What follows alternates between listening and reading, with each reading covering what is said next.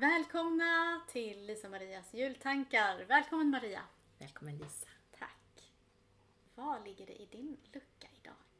Idag ligger det en lite konstig känsla. Åh. Eller två. Ovisshet och osäkerhet ligger där. Och det tycker vi ju är jobbigt, eller hur? Att vara i ovisshet, att vara i osäkerhet, inte veta.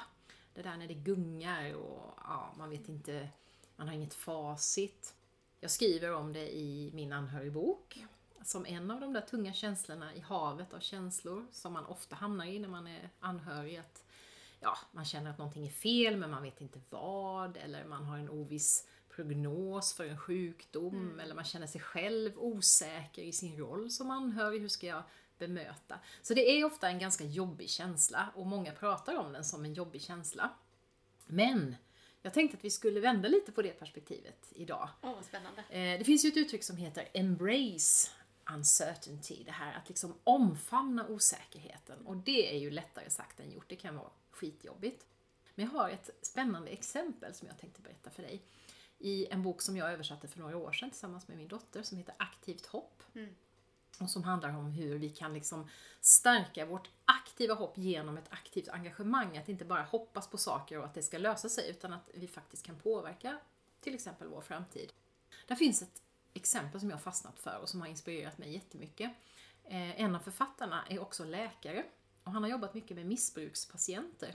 Och han berättar så här, att när det kommer eh, patienter till honom som är helt övertygade om att de ska fixa det här, det här löser jag, bla bla bla, det här kommer gå hur bra som helst, jag kommer ta mig ur mitt missbruk. Så är det inte alltid det går så bra. När det kommer någon som är helt uppgiven, jag har försökt nu alla metoder, det är ingenting som funkar. Då går det inte heller så bra. Utan när det går som bäst, det är med de patienterna som är i ovisshet, osäkerhet. Man vet inte att det kommer gå bra, men man vet inte heller att det kommer gå dåligt. Utan man har liksom, det finns fortfarande en möjlighet, men jag kan inte bara slå mig till ro och så löser det här sig av sig självt. Utan jag måste aktivt göra någonting, jag måste anstränga mig. Och de använder ju det exemplet då för att applicera på ja, men vår frustration över världen och det här att vi inte kan påverka och sådär. Men, men att på något vis, så länge vi behåller någon slags förhoppning om att det går att lösa saker och ting, men inte slår oss till ro med att andra ska lösa det, eller ger upp och tänker att det här kommer aldrig gå.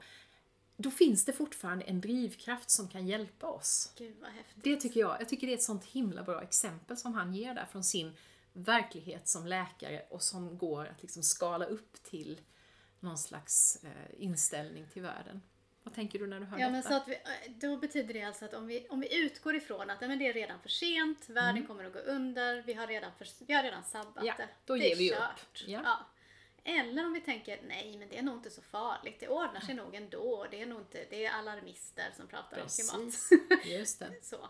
Men däremellan Däremellan finns den där en öppningen. osäkerhet, Ja. ett, ett hopp då. Ja, och det är ju en osäkerhet på det viset att vi vet ju inte. Nej. Ingen kan veta om det här kommer gå.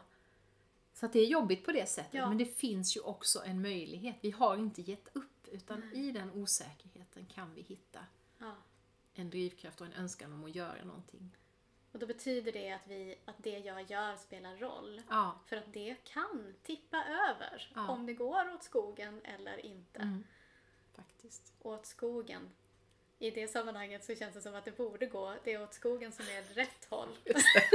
Snarare än åt oljan eller Ja, asfalten. Men i alla fall, hur som helst. Ja. Ja, nej men visst.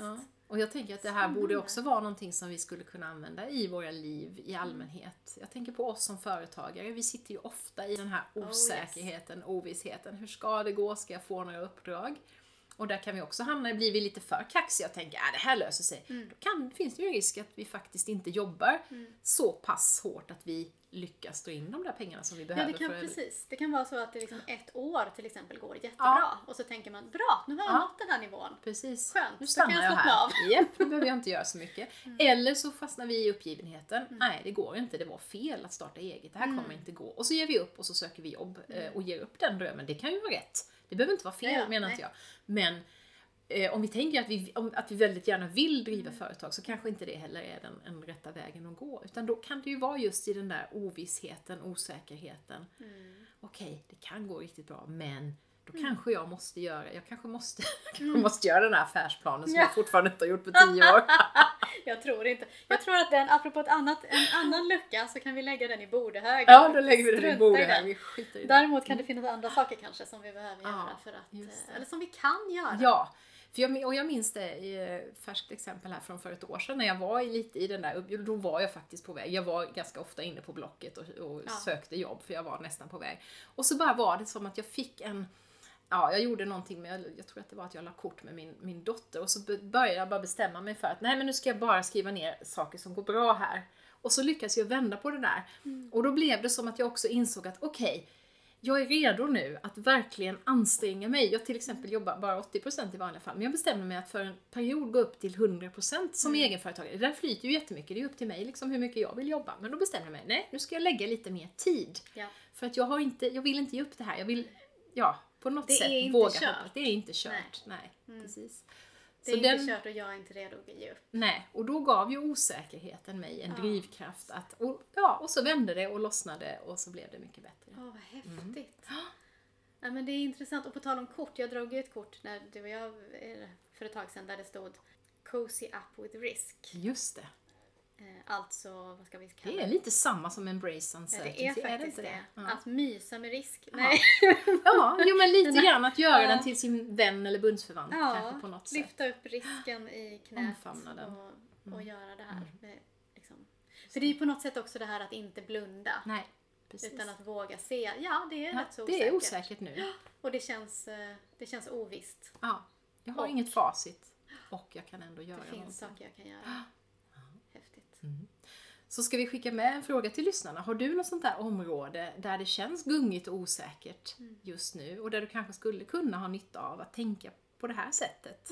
Vad behöver du? Vad skulle du kunna bidra med? Vad skulle du kunna göra för Ja. att på något sätt jobba åt det hållet som du skulle vilja? Vad är det för osäkerhet som du behöver lyfta upp i famnen Mm. Ja. och fundera på? Vad är nu nästa steg? Mm. Bra.